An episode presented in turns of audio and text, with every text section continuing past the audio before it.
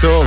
הנאום של הרמטכ"ל אתמול היה מלא מילים לא מלהיבות. הוא פתח את כנס החדשנות הצבאית הבינלאומית, שבו השתתפו 24 משלחות צבאיות ותשעה רמטכ"לים, בהם רמטכ"ל ארצות הברית ורמטכ"ל מרוקו.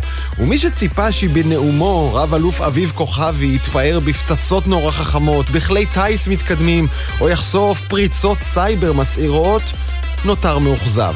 הרמטכ"ל דיבר על גמישות ארגונית, על שיתוף ידע, על הקמת יחידות מסוגים חדשים לגמרי, קצת פחות מסעיר אולי מדברים עפים ומתפוצצים, אבל האמת, פחות מסעיר והרבה יותר חשוב. המפקד של צה"ל נגע בנקודה האמיתית שעוצרת חדשנות בארגונים, וזה הארגון עצמו, לפעמים האנשים שמרכיבים אותו. זה האתגר האמיתי של כל מנהל. איך לעצב מחדש את הארגון, לשבור הרגלים ולשנות מסורות ולבנות חדשות, כדי לאפשר לחדשנות לחלחל פנימה לעומק, ובאמת להצעיד את הארגון קדימה. לא מזמן עצר אותי חבר שעובד במשרד עורכי דין גדול. יש לנו תוכנות מדהימות שהן ממש מייעלות את העבודה של עורכי הדין, הוא אמר לי. אני מחפש איזה תותחית או תותח טכנולוגיה שיעזרו לנו להטמיע, להכניס את התוכנות לתוך המשרד. אני אעזור לך, הבטחתי, אבל תגיד, עורכי הדין שלך מוכנים לזה שהתפקיד שלהם ישתנה? הוא פתח אל העיניים. מה זאת אומרת? מה זה קשור? בטח שזה קשור. אם אתה מצפה לשלב חדשנות מהותית, זה ישפיע על תפקידי העובדים שלך, זה ישפיע על המבנה של כל הארגון שלך. וארגון מורכב מאנשים, ואנשים לא תמיד אוהבים שינויים. בצה"ל האתגר גדול פי כמה, כי מצד אחד האיומים משתנים מהר, ומצד שני גם כלי העבודה שלך, מערכות טכנולוגיות, מודיעין, כלי נשק, גם הם משתנים במהירות. לקחת ארגון כמו צה"ל ולהפוך אותו מארגון שמלמד את הטירונים פעם אחת איך עובדים ואז חוזר על זה שוב ושוב, להפוך אותו לארגון שכל בוקר ממציא מחדש תורות לחימה ודרכי פעולה, זה מסובך. לגרום לאנשים מיחידות שונות, ממקצועות וכישורים שונים לעבוד ביחד ואחרת כל יום, זה מורכב. אבל אין ברירה. אז להתפאר בפיתוח שלו זו פצצה ערמומית, זה יפה, אבל זה לא מה שצריך להשיג את הרמטכ"ל. כי אם הארגון שלך לא יודע לנצל את הפצצה במבצע הנכון ולשלב אותה עם המערכות נכונות, הפצצה לא שווה כלום. וזה האתגר של מנהל הצבא, והאמת של כל מנהל של כל ארגון. בלי גמישות, אין עתיד. העתיד עכשיו, אני דרור גלוברמן. מתחילים.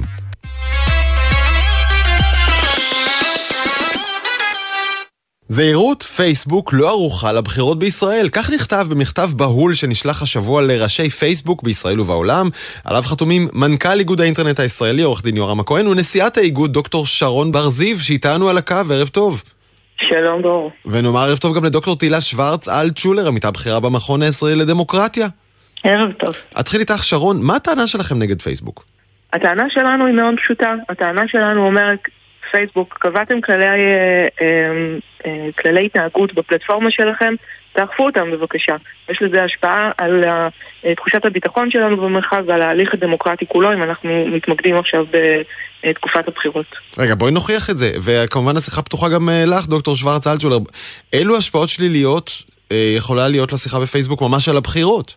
אנחנו רואים uh, בעצם uh, שיח שמתנהל הרבה פעמים באמצעות כלים אוטומטיים, באמצעות פרופילים מזויפים שיוצרים גם מניפולציות, שמפיצים חדשות כזב, פייק ניוז, קוראים לאלימות, יוצרים תחושה של דה-לגיטימציה כלפי מוסדות השלטון, כלפי המוסדות שמנהלים את הבחירות כמו ועדת הבחירות המרכזית. כל הדברים האלה יכולים להביא, אה, מלבד לאירועים אה, אלימים ודברים מהסוג הזה, מובילים בסופו של דבר ממש לפגיעה ב... במוסד הדמוקרטיה ולקיטוב אה, חברתי, אנחנו רואים בכך סכנה גדולה. אולי הבעיה בסכנות האלה ש, שמנית, שרון, ואני שואל אותך תהילה, זה, זה שקשה לשים על זה את האצבע. האם אני יכול להגיד שזזו מנדטים בבחירות בגלל שהיו שקרים בפייסבוק?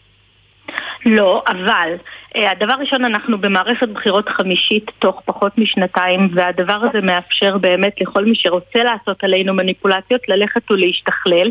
אה, מאוד מעניין להסתכל למשל מה מציעים יועצי הבחירות אה, למתמודדים, למפלגות, לרשימות אה, בבחירות מאיזשהו מחקרון שעשיתי ככה בימים האחרונים באתרים שלהם, מאוד מעניין לראות. אנחנו כבר לא מדברים על micro-targeting, אנחנו ב nano-targeting, ממש יועצים מציעים למתמודדים, אנחנו נעזור לשנות את ההחלטה של אוכלוסיות שלמות, אנחנו נעזור למשל להוציא מהבית את מי שלא התכוון לצאת להצביע, אנחנו נעזור להשאיר בבית את מי שרצה לצאת ולא אמור להצביע עבורנו. כלומר, המערכת הזאת היא הרבה יותר משוכללת. זה לא רק לה, להזיז מנדטים אה, מצד לצד, mm-hmm, זה באמת אבל... לעשות כל מיני מעשים שהמטרה שלהם בסופו של דבר היא כפולה. אחד, אה, באמת להחליט מי יצא ומי לא יצא להצביע. להצביע, ושתיים, להגדיל עוד את השסעים ואת הקיטוב. אנחנו יודעים היום שעל זה קיימת הפוליטיקה הישראלית, על הקיטוב, וכמה שאפשר להגדיל את זה ולהסעיר את השטח. ככה יותר טוב למתמודדים. כן, ונזכיר שאנחנו בסיטואציה אה, באמת של סוג של שוויון פוליטי, כך שכל אה, אלף קולות שזזים מצד לצד יכולים להיות אה, מכריעים, אבל אולי אם אפשר ממש להוריד את זה לקרקע, איך אפשר בעזרת פייסבוק, אה, וכמובן שאלה לשתיכן, כל השיחה היא לשתיכן, איך אפשר בעזרת פייסבוק לגרום למישהו כן לצאת על אף שלא התכוון, או לא לצאת להצביע על אף שכן תכנן? אנחנו, אנחנו אה, אה, יודעים שבעצם ההשפעה על אנשים אה, בפייסבוק היא מאוד מאוד מוטה על פי התוכן שמופיע אצלם אה, בפיד ולכן אם נוצרת אה, תחושה שיש אה, קריאה מסוימת, הנאה לפעולה, או קריאה להימנע מפעולה, הימנעות מלהשתתף בבחירות, הדברים האלה מאוד מאוד משפיעים, במיוחד כאשר הם מופצים לא על ידי אה, משתמש אחד אה, אה, באופן אה, אנקדוטלי פה ושם, אלא מופצים על ידי רשתות השפעה שמפיצות את המסרים האלה בצורה מאוד מאוד רחבה, ונוצרת תחושה שיש ממש אה, תנועה חברתית משמעותית, באופן טבעי אנחנו נוטים להיות קשובים אה, אה, קשובים לדברים האלה. תקני אותי אם אני טועה, רגע, תקני אותי אם אני טועה, אני ממש רוצה, את יודעת, להוריד את זה ליום יום של כל אחד מהמאזינות והמאזינים שלנו. אמ, נדמה לי שגם בימין וגם בשמאל, ובטח אצל החרדים, כל מה שאני רואה זה רק המרצה, לכו להצביע, לכו להצביע. מדי פעם יש איזה מורד כזה שאומר, אתם יודעים מה, נמאס לי מהכל, אני לא הולך להצביע, חבל, זה סתם בזבוז זמן. אה, במקום שאולי יש בו באמת תנועה אמיתית נגד הצבעה, זה אולי החברה הערבית. זה לגמרי נכון, אבל צריך להגיד, צריך להגיד פה שאי אפשר להסתכל אך ורק על פייסבוק בתור הרשת הפתוחה. פייסבוק. פייסבוק שולטת גם על וואטסאפ ועל קבוצות הוואטסאפ, ואנחנו יודעים שמה שקורה בקבוצות, אה, במיוחד בקבוצות הסגורות, אה, הוא הרבה יותר קיצוני ממה שקורה ברשת הפתוחה, כלומר בפייסבוק הפתוחה, והוא גם הרבה יותר מניע לפעולה. זה דבר אחד. הדבר השני הוא שדרך אה, הרשתות האלה, דרך למשל המסנג'ר, אה, של פייסבוק אנחנו יכולים לאסוף הרבה מאוד מידע על גולשים. ואז אתה אפילו לא יודע, זה לא מסר פתוח בפייסבוק לכו להצביע או אל תלכו להצביע זה פנייה אישית אליך דרור. נכון שהבת שלך היא ככה וככה, נכון שהבן שלך משרת בעזה, אימא שלך הייתה חולה זאת פנייה הרבה יותר אישית, הרבה יותר משכנעת וגם פה השכלול אה, של מערכות המידע ושל מאגרי המידע שיש למתמודדים על הפלטפורמות האלה, בגלל שמדובר בחמש מערכות בחירות, אה, הרבה יותר, אה, הרבה יותר משוכללת ממה שהיא הייתה בעבר. ופה צריך להגיד רק ביושר, חשוב מאוד מאוד להוציא מכתב למטא, אה, וגם אה, למטא העולמית וגם למטא כאן בישראל.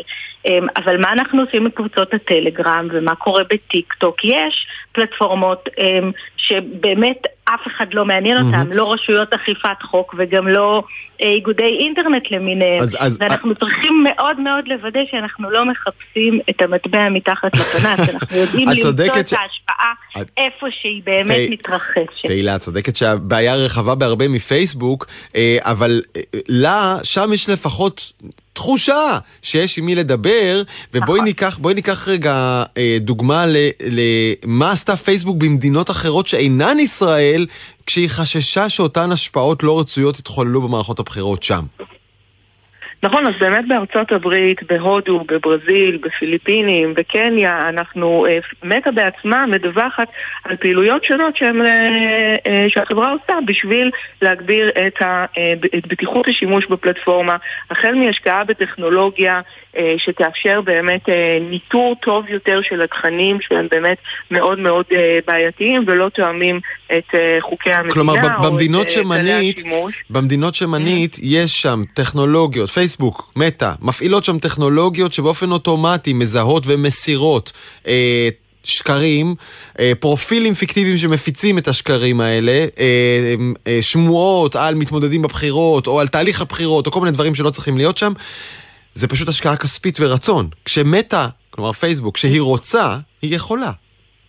זה נכון, אז אנחנו, שוב, באיגוד האינטרנט, עבודה שעשינו בשיתוף עם ארגון פק ריפורטר, בעצם העלתה שהתכנים האלה נאכפים בצורה טובה למדי, כן? זה לא מושלם, אבל mm-hmm. באופן טוב למדי אה, בשפה האנגלית כמובן, בשפות כן. שוליות כמו בשפה העברית, הדברים האלה לא עובדים בצורה תקינה, אבל אנחנו לא, לא, לא קוראים רק להשקעה בטכנולוגיה, זאת אומרת זה, זה, זה מאוד מאוד חשוב, אבל זה בוודאי לא ייתן לנו מענה אה, למערכת הבחירות אה, אה, הקרובה, ולכן אנחנו אה, שוב מסתכלים על אותן מדינות ורואים ששם גם הוקמו למשל מרכזי פעולה אה, שהחברה בעצם שיתפה שם פעולה ביחד עם ארגונים של בודקי, בודקי עובדות עצמאיים, ארגונים של החברה האזרחית, שבעצם ביחד שיתפו פעולה בשביל להילחם באותן תופעות כלומר... שתהילה ואני פירטנו. ואנחנו אומרים, הנה, זה משהו שאנחנו יכולים לעשות אה, אה, כבר עכשיו במערכת הבחירות הנוכחית, בואו נשתף פעולה ונוביל את המהלך הזה. כלומר שפייסבוק תמצא ארגונים, ארגונים ישראלים שמוכנים לעבור על, נגיד, אה, אני סתם ממציא, הפוסטים הכי פופולריים והכי משותפים, ולחפש בהם שקרים ולהגיד זה לא נכון, זה לא נכון, זה הטעיה מכוונת,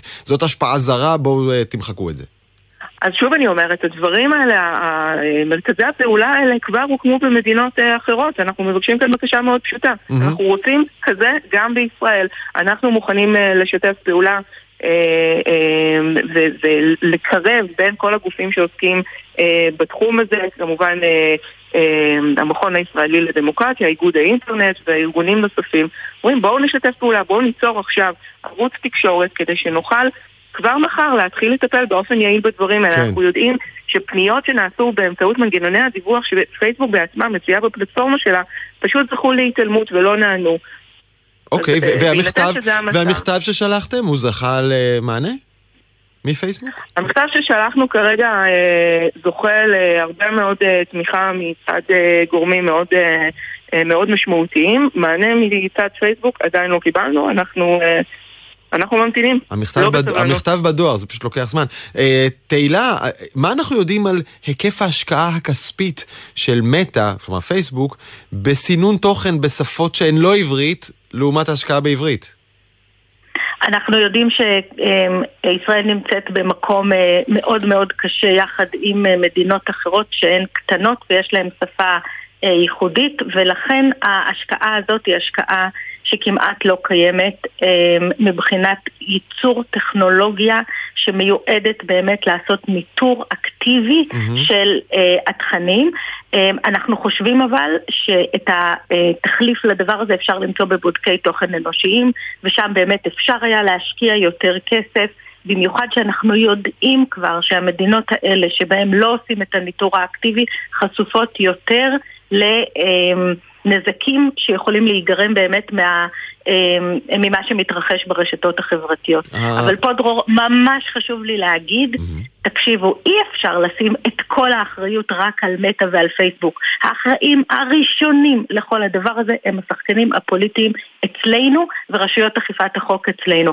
יש לנו ועדת בחירות מרכזית, יש רשות לפרטיות, יש רשות להגנת הצרכן, יש רשות לתחרות. תיכנסו לפעולה.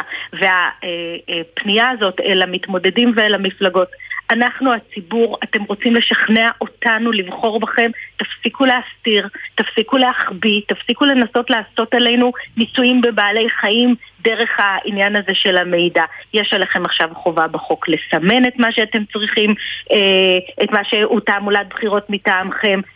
אנחנו לא יכולים לרדוף אחריכם דרך פייסבוק. אתם חייבים את ה-accountability ואת האחריות שלכם כלפי הציבור הישראלי. ולכן אני אומרת, מאוד להיזהר, לא להעביר את כל האחריות לפייסבוק. יש פה גורמים מקומיים שהאחריות הכי בסיסית היא עליהם. את אומרת דבר מאוד מאוד חשוב, הפנייה לפייסבוק, בעצם פייסבוק יכול לומר מה אתם רוצים ממני, אין חוק. אני, אנחנו פועלים לפי החוק, הכל בסדר. תעשו חוק שיאלץ אותנו לעשות משהו, אז נדבר על זה, ובואי נסתכל רגע על העולם, אה, תהילה. אנחנו רואים בכל מקום בעולם מהלכים אדירים נגד ענקיות הטכנולוגיה, נגד גוגל ופייסבוק, מטא ואמזון ואפל. הן נקנסות במאות מיליוני דולרים על פגיעה בפרטיות, הן נתבעות על חסימת תחרות, על הפצת הסתה ואלימות. תוכל לעשות לנו שנייה סדר איפה ארה"ב ואירופה נמצאות? כן, אז אם אמרת מאות מיליוני דולרים, בוא נגיד כך, אתמול אה, בית הדין האירופי אישר אה, החלטה של הוועדה האירופית, כלומר של האיחוד האירופי, לקנות את גוגל בארבעה מיליארד דולר וואו. על פגיעה בתחרות. זה קנס חסר תקדים, ואנחנו מתחילים לדבר באמת בהצעות החקיקה או בחבילת החקיקה שעוסקת בדיגיטל באירופה, שחלק ממנה נכנס לתוקף ממש בינואר 23 וחלק אחר בתחילת 24, אנחנו מדברים על קנסות שהם עשרה אחוז מהמחזור של חברות הענק האלה. אה, מדובר באמת על חקיקה שנוגעת לפרטיות, לתחרות, לניטור תוכן, לחובה לתת מענה למשתמשים, כל הדברים האלה כבר עברו באיחוד האירופי. בארצות הברית אה, ה-FTC, כן, ה-Federal Trade Commission, אה, בצעדים מאוד מאוד מרחיקי לכת עושים מהלכים מאוד דומים, יושבים היום על ה... מדוכה גם בסנאט וגם בקונגרס, יושבות הצעות חוק גם בנושא של פרטיות וגם בנושא של הסדרת רשתות חברתיות. ישראל לא תקבע את הבנצ'מרק העולמי בעניין הזה, אבל אסור להסכים למצב שאנחנו החצר האחורית, שמחוקקים חוקים שמגנים על אזרחי האיחוד האירופי ועל האזרחים בארצות הברית, אבל ישראל לא נהנית מהם. רגע, אז אני, באמת... אני חייב לשאול אותך, לפני 11 חודשים, כמדומני, אה, חגגנו את הקמת אה, הוועדה במשרד התקשורת, שגם את חברה בה, ובעצם הייתה אמורה להוביל, להוליך לחקיקה דומה. יש גם ועדה כזו במשרד המשפטים. אה, נו, אז למה לא אנחנו גם על הרכבת הזו, הבינלאומית? אז א', אנחנו על הרכבת הזאת, זה לא נכון לומר שאנחנו לא על הרכבת, אבל יש פה חוסר יציבות פוליטי מאוד חזק. כל תהליכי החקיקה במדינת ישראל תקועים אה, בשנים האחרונות, אנחנו יודעים את זה, בגלל בחירות אחרי בחירות, וגם באמת יש איזשהו סוג של איטיות אה, מצד אה, אה, הרגולטורים שלנו, מצד אה, מקבלי ההחלטות, צריך להתקדם עם הדבר הזה הרבה יותר מהר ממה שזה אה, קורה היום בישראל, ובסוף צריך להגיד את זה, יש פה חברות גלובליות, תמיד ארצות הברית תעניין אותם יותר, תמיד האיחוד האירופי יעניין אותם יותר, ואפילו ברזיל נניח שהיא מדינה הרבה יותר גדולה מאיתנו ויש לה בחירות כשיהיו אצלנו. הדבר המשמעותי הוא לייצר חקיקה ישראלית מקומית כדי שתגן על זכויות אזרחי מדינת ישראל. הענקיות לא יעשו את זה בהתנדבות. אז בואי נראה אם הבנתי נכון את המשוואה הסופית. בגלל שכל הזמן יש כאן בחירות, אז אין פה חקיקה שמגבילה את הרשתות החברתיות. ובגלל שאין חקיקה שמגבילה את הרשתות החברתיות, יש פה כל הזמן בחירות. זה יכול להיות באמת אה, מנטרה יפה לקראת בחירות מספר 6. חשוב לזכור שהתופעות האלה הן לא רק אה, בעייתיות אה, סביב בחירות, אנחנו רואים את הבעייתיות של הפצת חדשות כזב בתחומים רבים, ראינו את זה סביב תקופת הקורונה ודיונים נגד החיצוניים, אנחנו רואים את זה בהפצה של תכנים בעייתיים אחרים וכמובן לא חוקיים ברשת. כלומר, התופעה היא מאוד מאוד, מאוד מאוד רחבה ומאוד מאוד בעייתית. כמובן שסביב תקופת אה, תקופת בחירות הדברים אה, הופכים להיות אה, מאוד מאוד דחופים וקריטיים לטיפול. כן, והאשמנו את המפלגות אולי בהפצת שקרים זו על זו, אבל שכחנו שיש פה גם גורמים חיצוניים שמתערבים, וכבר הוכח לא פעם שגם האיראנים בוחשים כאן במערכת הבחירות, ואולי עוזרים במשהו לחוסר היציבות הכללי שכולנו מרגישים. דוקטור שרון בר זיו, נשיאת איגוד האינטרנט הישראלי, ודוקטור תהילה שוורץ אלטשולר מהמכון הישראלי לדמוקרטיה. תודה רבה לשתיכן. תודה, תודה רבה, ערב טוב. אם טינדר זורקת את הרווקים והרווקות לעולם הגדול ומציפה אותם בהצעות לבני ובנות זוג כמעט רק על סמך התמונות שלהם, אז עכשיו יש לטינדר מתחרה. אלי הבוטית תנסה למצוא לכם אהבה בעזרת החברים שלכם. אה, ובינה מלאכותית, אי אפשר בלי בינה מלאכותית, אבל שם הסיכוי יותר טוב? כן, ועם פחות עבודה. אליאנה ברבל, יזמת ומנכ"לית אלי הבוטית, איך את עושה את זה? אנחנו אמרנו, עד עכשיו כבר עשר שנים אה, אנחנו עושים swiping ל-130 פרופילים ביום בממוצע, פשוט כמות אה, מטורפת של אנשים רנדומליים שאנחנו רואים. swiping זה אומר ואמרנו... אה, כן רוצה, לא רוצה, ימינה, שמאלה. נכון, mm-hmm. נכון. ואמרנו, רגע, אבל סיכוי סביר שהאהבה שלנו נמצאת כבר קרוב, כבר בתוך המעגלים החברתיים שלנו. ובואו ננסה למצוא אותה שם, למה, למה, למה פשוט להסתכל על פרופילים רנדומליים של אנשים רנדומליים שאין להם שום קשר לחיים שלנו? Mm-hmm. וזה מה שאלי הבוטית עושה, היא בעצם מוצאת לרווקים ורווקות, רווקים ורווקות אחרים, שנמצאים בתוך המעגלים החברתיים שלהם דרך ניתוח של אנשי הקשר שלהם. עכשיו תראי, נדמה שעוד אפליקציית dating זה לא בדיוק מה שרווקים צריכים, כי יש כבר אינסוף, טינדר וגריינדר ובמבל אה, ואוקיי קיופיד ויש המון.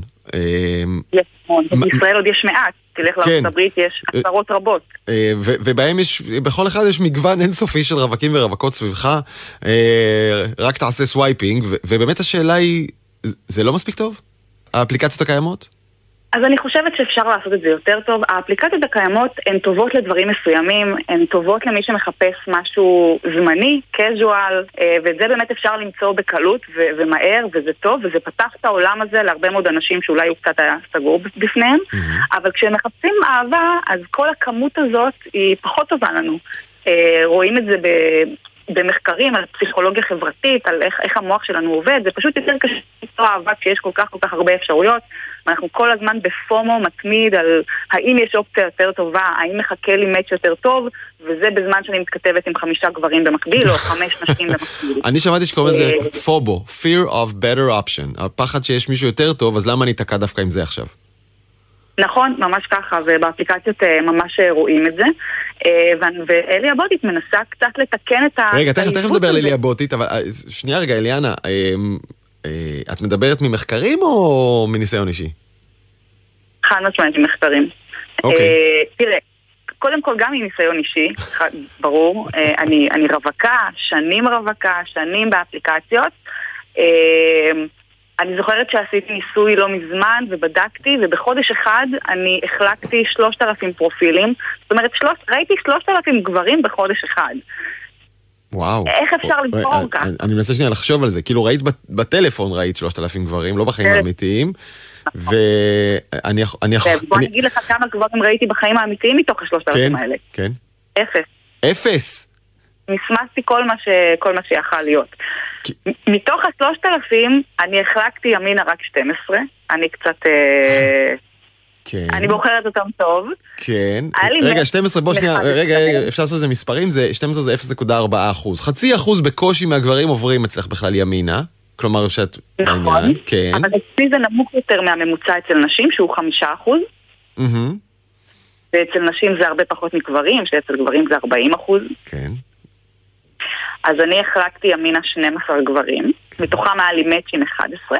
כלומר ש-11 מתוך ה-12 גם אמרו לך בחזרה, כן, גם אני מעוניין לפגוש אותך, אליאנה. נכון, זה כיף. ואגב, זה חלק ממה שטינדר עושה, הוא קצת מלא לנו את הביטחון ואת הדופמין, בטח עם התשעה.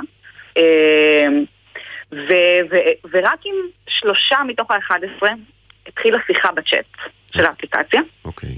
רק עם אחד מהם השיחה עברה לוואטסאפ, וזה מוסמס על ידי שנינו, אף אחד לא נפגש.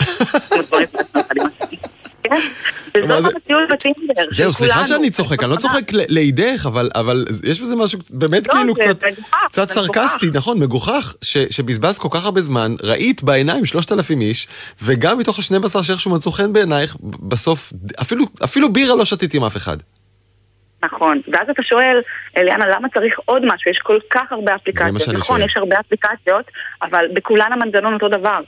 אז כל אחת עם פיצ'ר לפה, פיצ'ר לשם, אבל בכולן את צריכה להחליק המון המון גברים. אבל רגע, רגע, רגע, הסברת לי היטב למה עודף האופציות לא עוזר לאף אחד. אבל גם מתוך ה-12 או 11 גברים שאשכרה הייתם מעוניינים זה בזו, למה לא קרה שם משהו, או איך אפליקציה אחרת תפתור את זה? כי, כי בגלל שהם מבזבזים כל כך הרבה זמן כבר במשך, הרי אני כבר שנים uh, באפליקציות, ורוב מי שפחות או יותר בגיל שלי, 30, קצת יותר, קצת פחות, נמצאים כבר המון זמן באפליקציות. אז מראש באים לזה כבר עם אמון מאוד מאוד נמוך, ו... ועם אינטנשן כזה לא משהו. אז אתה אומר, נו, אתה כבר יודע שזה כנראה יתמסמס, הוא יודע שיכול להיות שאני לא אענה לו, אז הוא לא משקיע, אני יודעת שהוא לא משקיע, גם אני לא משקיע, וככה הדברים מתמסמסים. זה כבר, אנשים כבר קצת נכנסים לתוך האפליקציות האלה כבר אה, מיואשים מלכתחילה, מתוסכלים מלכתחילה. וואו, זאת אמירה מדהימה. כלומר, גם אם, הוא, גם אם הוא נראה חתיך אימים, וגם אם הוא נורא חמוד כשאתם מדברים, והכל נראה אצלו ממש פיקס, עצם זה שהוא, שאת מדברת איתו על גבי הפלטפורמה של טינדר, או, או אפליקציית הקריות אחרת, כבר גורם לשניכם להשקיע הרבה פחות ולצפות הרבה פחות ולהתעניין הרבה פחות. נכון. יכול להיות שהיית פוגש את הבחור הזה בסופר וכן היה קורה משהו. נכון. אוקיי, עכשיו, עכשיו בואי נדבר, בואי נדבר על האלטרנטיבה. אז את הקמת את אלי הבוטית, אה, ש... מה היא עושה אחרת? אז קודם כל אלי הבוטית אה, שולחת אה, לצורך העניין לך, היא תשלח לך אנשים שיש לך איתם חברים משותפים, או שנמצאים בתוך המעגלים החברתיים שלך. ולמה למה, למה אנחנו עושים את זה? כי יותר קל ויותר כיף להתחיל שיחה עם מישהו שאתה יודע שיש לך חבר משותף לשאול אותו עליה או עליו. זה גם מגביר את תחושת האחריות שיש לנו כלפי, אחד כלפי השני.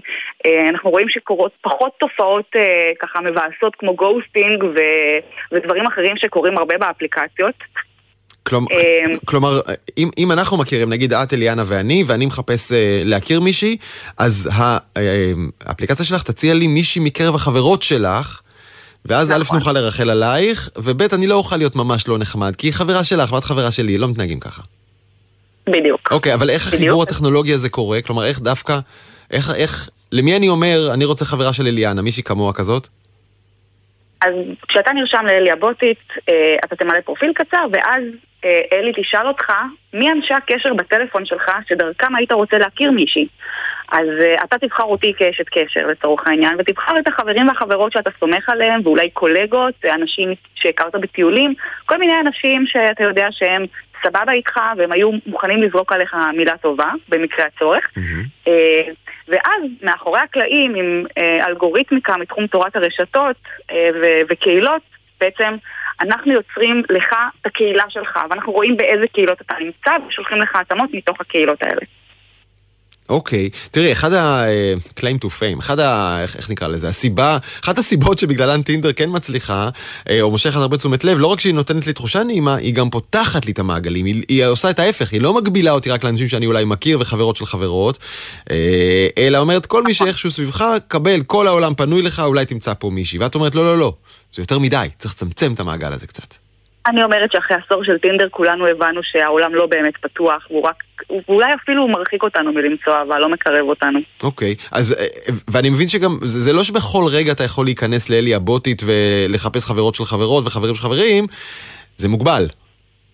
נכון, אז אה, אלי הבוטית בעצם עובדת בשבילך אה, פעם בשבוע, סליחה, פעם בחודש למשך שבוע, היא תשלח לך שתי אופציות ביום, וזהו.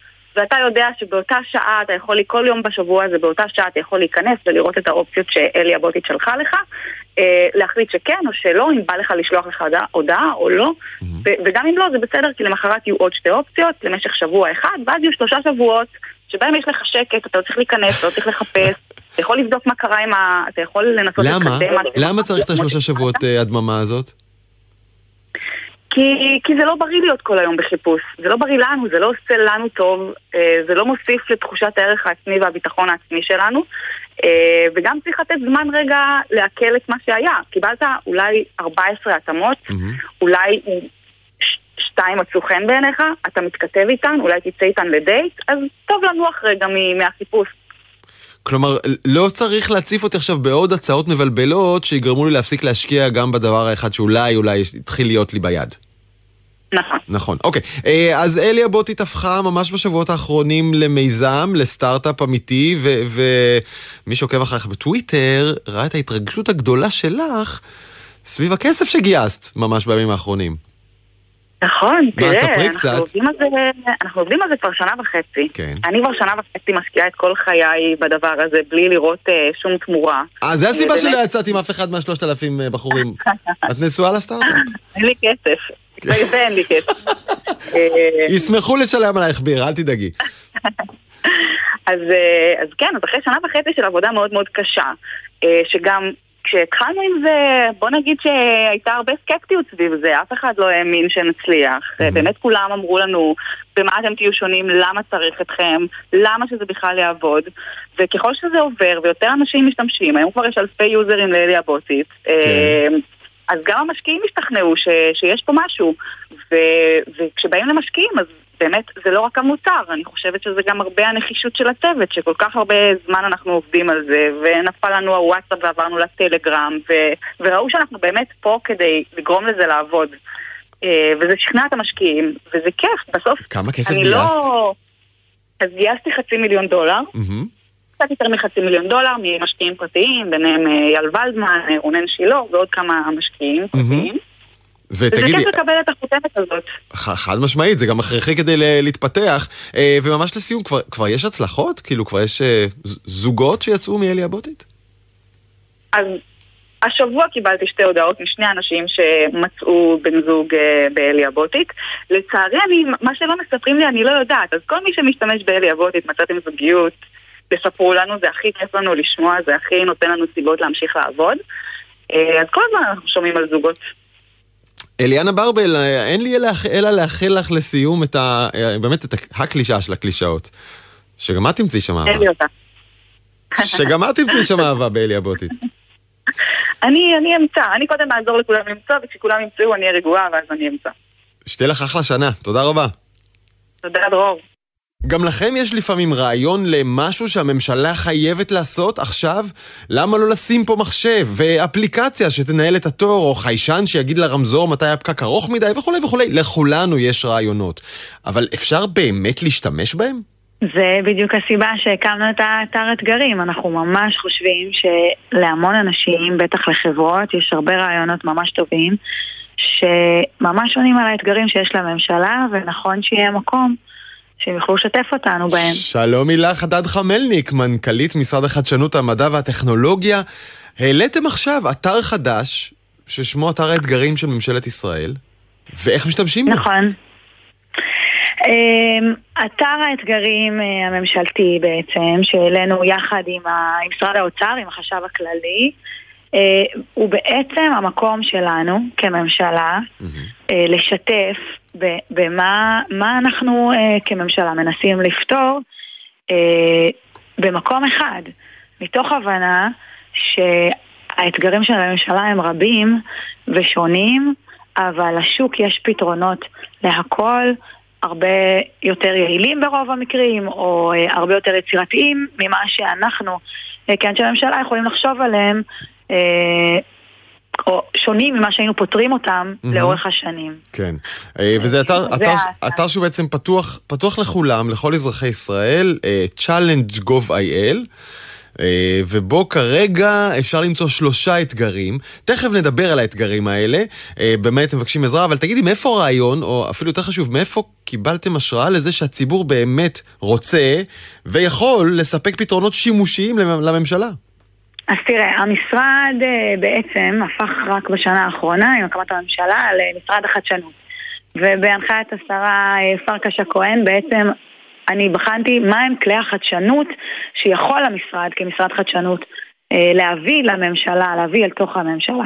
אתר הצ'אלנג'ים קיים בעוד מדינות בעולם, כמובן, כמובן בארצות הברית, אבל קיים גם, גם בסינגפור ובחלק ממדינות אירופה, ובעצם משם ככה גם שאבנו את הרעיון. יש לך דוגמה קונקרטית לאתגר שעלה בין אם אה, בישראל או בארצות הברית או במקום אחר, וקיבל פתרון שימושי מהציבור? כלומר, מישהו מאיתנו, האזרח, האזרחים, הצליח לפתור בעיה שהממשלה לא פתרה? האמריקאים עושים את זה המון שנים והם... אה, מאוד מרוצים מהכלי הזה.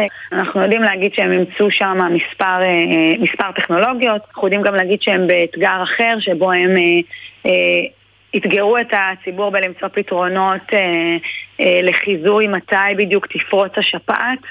אה, הגיעו אה, פתרונות מאוד מאוד אה, מעניינים שה-NIH והגופים האמריקאים אימצו אותם וחזו באמצעותם התפרצות שפעת משנה לשנה וככה דייקו את הזמן של מתן החיסונים לקראת השפעת. אוקיי, okay, עכשיו מי שאמור לגשת לאתגר הזה, לשלוח לכם תשובה, זה, אה, את יודעת, אזרח פשוט מהציבור שעולה לו רעיון בראש, תפתחו אולי אה, מערכת שעושה ככה וככה, אה, ופשוט לשלוח לכם איזה פסקה שעברה לו בראש, או שאת מצפה לחברה רצינית עם מוצר עובד שאומרת לך, אהלן אהלן, למה שביקשת כבר יש את הפתרון, הנה הקופסה, תחברי לחשמל וזה עובד. אז אנחנו מצפים לפתרונות ברמת בשלות שמאפשרת הדגמה, זאת אומרת, זה לא יכול להיות פסקה, אני חושב שאפשר לפתור ככה או ככה. צריך להיות איזה, איזושהי יכולת הדגמה לפתרון, אבל זה בהחלט יכול להיות אה, אה, חברה קטנה שהוקמה, אזרח אה, פשוט שיש לו אה, יכולת אה, להתקשר עם הממשלה, או אה, גוגל מייקרוסופט לצורך העניין. הרעיון של, של האתר הזה זה שהכל פשוט, מונגש, הבעיה מונגשת בצורה פשוטה. וקל מאוד להתמודד עליה, לא צריך כל מיני ניירת מאוד מסובכת, mm-hmm. ולכן זה באמת יכול להביא או פתרונות של חברות מאוד גדול, אה, גדולות שזיהו את הבעיה וחושבות שיש להם פתרון, mm-hmm. או איזה סטארט-אפ קטן שחושב שהוא פתר, שיש לו פתרון, לפעמים, ברוב המקרים זה יהיה פשוט ניסיון שלהם לפתור משהו אחר, ופתאום הבנה שמה שיש להם ביד לפתור את מה שמטריד את הממשלה. שזה שימושי גם לכם, ומי ש...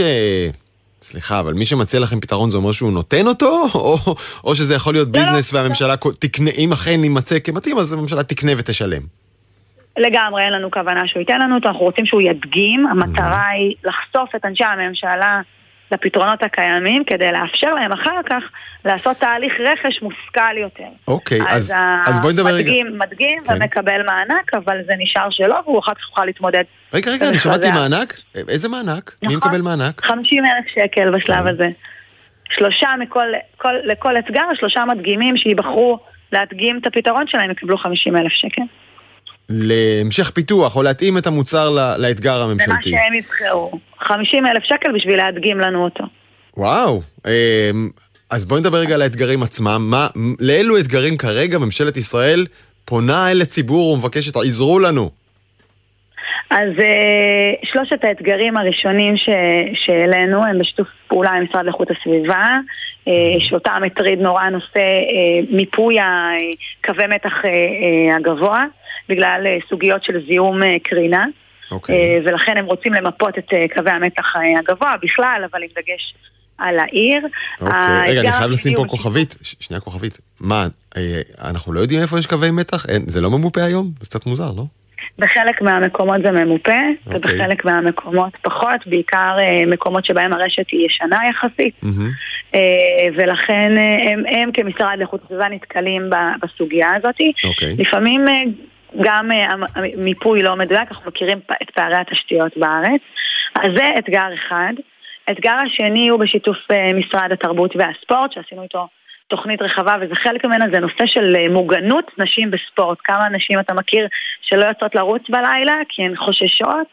אז אה, זה מטריז את, אה, את, את משרד הספורט שרוצה להרחיב את הפעילות הספורטיבית בקרב נשים, גם בספורט העממי וגם בספורט המקצועי, ולכן נושא המוג... כלים להגברת תחושת המוגנות של נשים. בספורט, mm-hmm. זה האתגר השני. Mm-hmm. האתגר השלישי הוא אתגר שאנחנו אה, אה, פרסמנו יחד עם משרד החינוך, אה, כחלק מהעבודה שעשינו, עבודה מאוד רחבה שעשינו על ההון האנושי בהייטק, יחד עם משרד החינוך זיהינו שהפער אה, באנגלית הדבורה הוא פער אה, משמעותי. כן. פער שהילדים לא לומדים לדבר אנגלית, גם אם הם עושים חמש יחידות.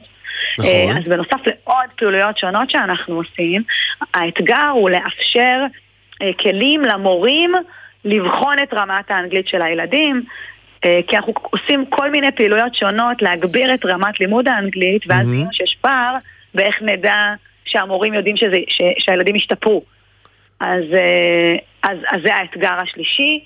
משרד החינוך. אוקיי. Okay. אה, רגע, את יודעת שלפני שבועיים בדיוק, כאן בתוכנית העתיד עכשיו, ראיינו יזם בשם כפיר אדם עם תוכנה שעושה בדיוק את זה במערכת החינוך כבר היום. אז קדימה. אולי נעשה חיבור? אולי נעשה חיבור? ותציעו לו להתמודד. טוב, אז אני, אני, אה, אני כאזרח טוב, כאזרח ישראלי טוב, אני אציע לו, אחבר אותו לאתגר, נראה אם הוא יוצא, נראה אם הוא יוצא לגשת. אה, אבל הנה, זה רק דוגמה אחת. אה, כולכם יכולים להיכנס לאתר challenge.gov.il. אלה שלושה אתגרים, יעלו עוד, אני מניח, נכון? כן, אנחנו מריצים את האתר עם, עם שלושה שלושה אתגרים ראשונים, גם כדי לראות רגע את כל הפרוסס מהצד שלנו. אנחנו קצת עובדים כמו סטארט-אפ בהקשר הזה, יצאנו עם, עם ורז'ן אחד, אנחנו נבדוק אותו.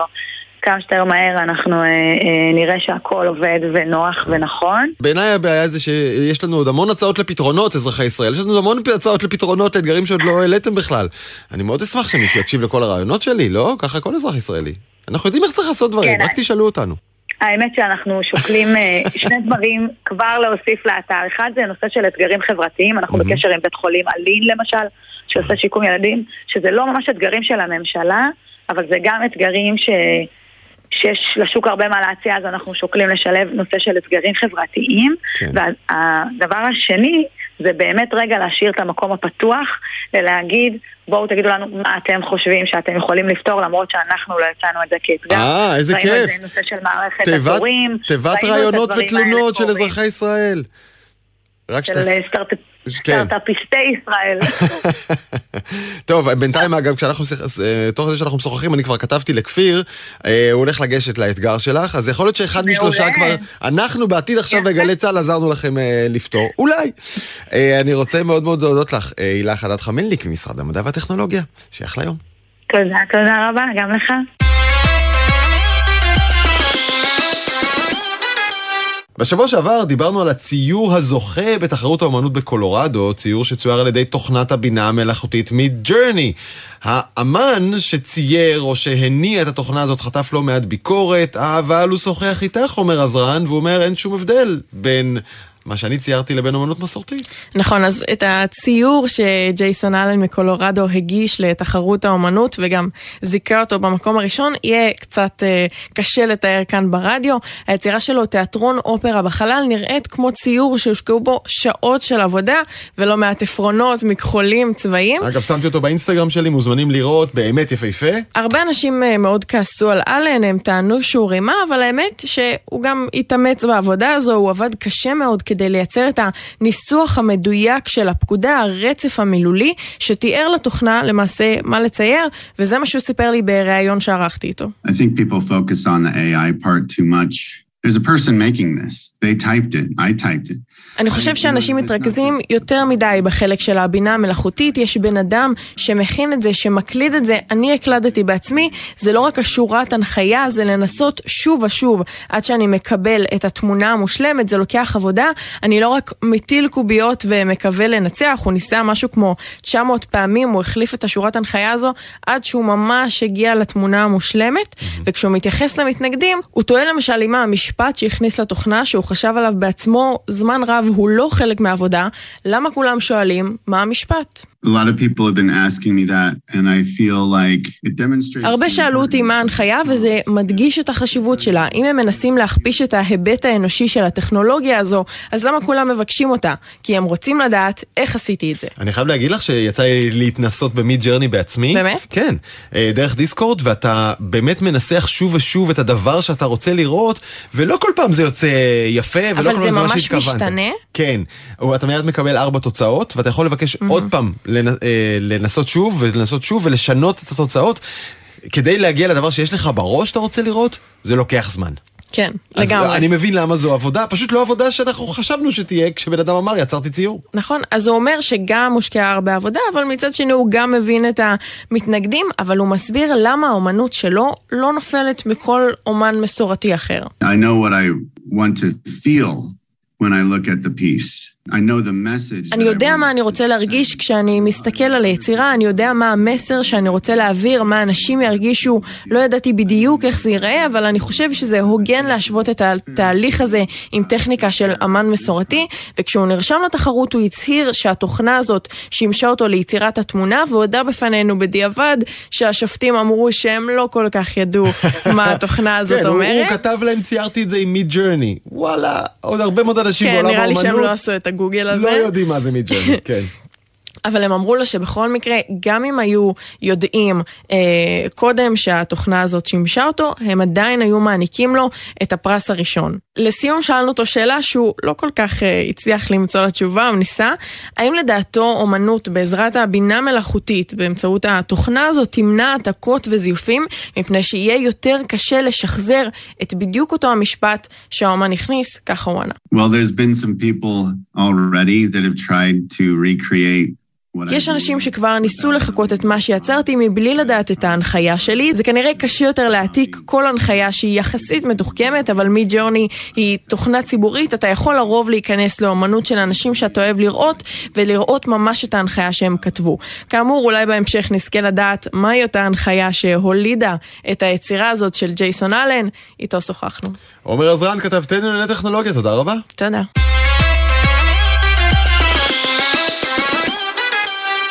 ולפני סיום אנחנו ממהרים אל כתבנו בדרום, רמי שני, מגיש הפודקאסט מה שקורה מחר, שלום רמי. שלום דרור, וכרגיל אתה תופס אותי על המרפסת עם מטה ביד. למה? אבל, ברור, זה השתייה הרגילה בשעה הזאת. חוג רובוטיקה, היית בכך, באחד כזה? לצערי לא. אז זהו, זה דבר שמאוד מבוקש אצל תלמידים ביסודי ובתיכון. כדי uh, לעניין אותם, וזה צריך לפתח מערכת שתענה על הצרכים. Uh, בעיקר שתגרה אותם, שבו הרובוטים יהיו גם, אתה יודע, בסרטונים מצוירים, אבל גם כאלה שאפשר לבנות בידיים, ממש לחוש את העניין הזה. וצריך להבין ברובוטיקה, להבין בתוכנה, להבין במחשבים ולהבין בילדים. אז בחברת רובו גרופ ארזו ביחד את כל התובנה הזאת והם בונים מערכות כאלה ומביאים אותן למערכות החינוך. הנה אנסטסיה אוצקובסקי ושגיא גבע שפיתחו מערכת כזאת, אחר כך נמשיך. חטיבת uh, התוכנה שלנו, של אנסטסיה, בעצם מה שהיא עושה זה מגרה את הילדים ברמת הסימולטורים, mm-hmm. והחטיבה המקצועית, שהיא בעצם תעשייה 4.0, היא בעצם uh, ממש נותנת לילדים באמת לגעת בסביבה האמיתית. דווקא החיבור לעולם המציאותי, אם זה חקלאות, אם זה מחסנים, זה משהו שנותן את הגירוי האמיתי להם, כי הם יוצאים אחרי זה מהכיתה ורואים את זה קורה בתוך, ה... בתוך העולם שלהם. בחברה עצמה נמצאים כמה מדמים, כלומר אה, בחברת רובו גרופ נמצאים כמה מדמים, סימולטורים שבהם אפשר לראות ולהשתלב אה, בתוכנית כפי שהיא אה, תועבר בכיתות השונות בבתי הספר. יש מסלולי הסעה שונים, כלומר כאלה שאתה יכול אה, אה, להסיע בהם טילים שתבנה, יחידות בנייה והרכבה, מין אה, סדנה ממש לפיתוח של חלקים מבית מדרשו של מיסטר קיו. הרעיון הוא לתת לתלמידים בכל גיל להתמודד עם מערכות מורכבות יותר ויותר של רובוטים, החל מזריקת כדור לסל ועד לזריקת המורה מהכיתה. אתה יודע מה, בוא נתקן, לבנות מערכת שתסיע אותו בעדינות לחדר המורים. וכל זה מאלף ועד האות שהם הצליחו להגיע, א' ועד ז'. הרעיון המלא בפרק של ההסכת 233, מה שקורה מחר, מחכה לכם בעמוד האתר בגלי צה"ל ובכל מקום שצור... שאתם צורכים את ההסכתים שלכם. אני לא רק אשלח את הילדות שלי לחוג רובוטיקה, אני אלך איתן, לפצות על חסכים מן הילדות. רמי שני, תודה רבה. עד כאן העתיד עכשיו, ערכו ערן גולני ותומר ברקאי, הפיקה אביב פוגל על הביצוע הטכני, נדב דור ואחינועם ויינברג, אני דרור גלוברמן. אתם מוזמנים לשמוע אותנו מתי שבא לכם בכל אפליקציות הפודקאסטים המקובלות, פשוט חפשו. העתיד עכשיו. אני זמין להצעות ולהערות שלכם בדרור גלוברמן בטוויטר. יאללה ביי.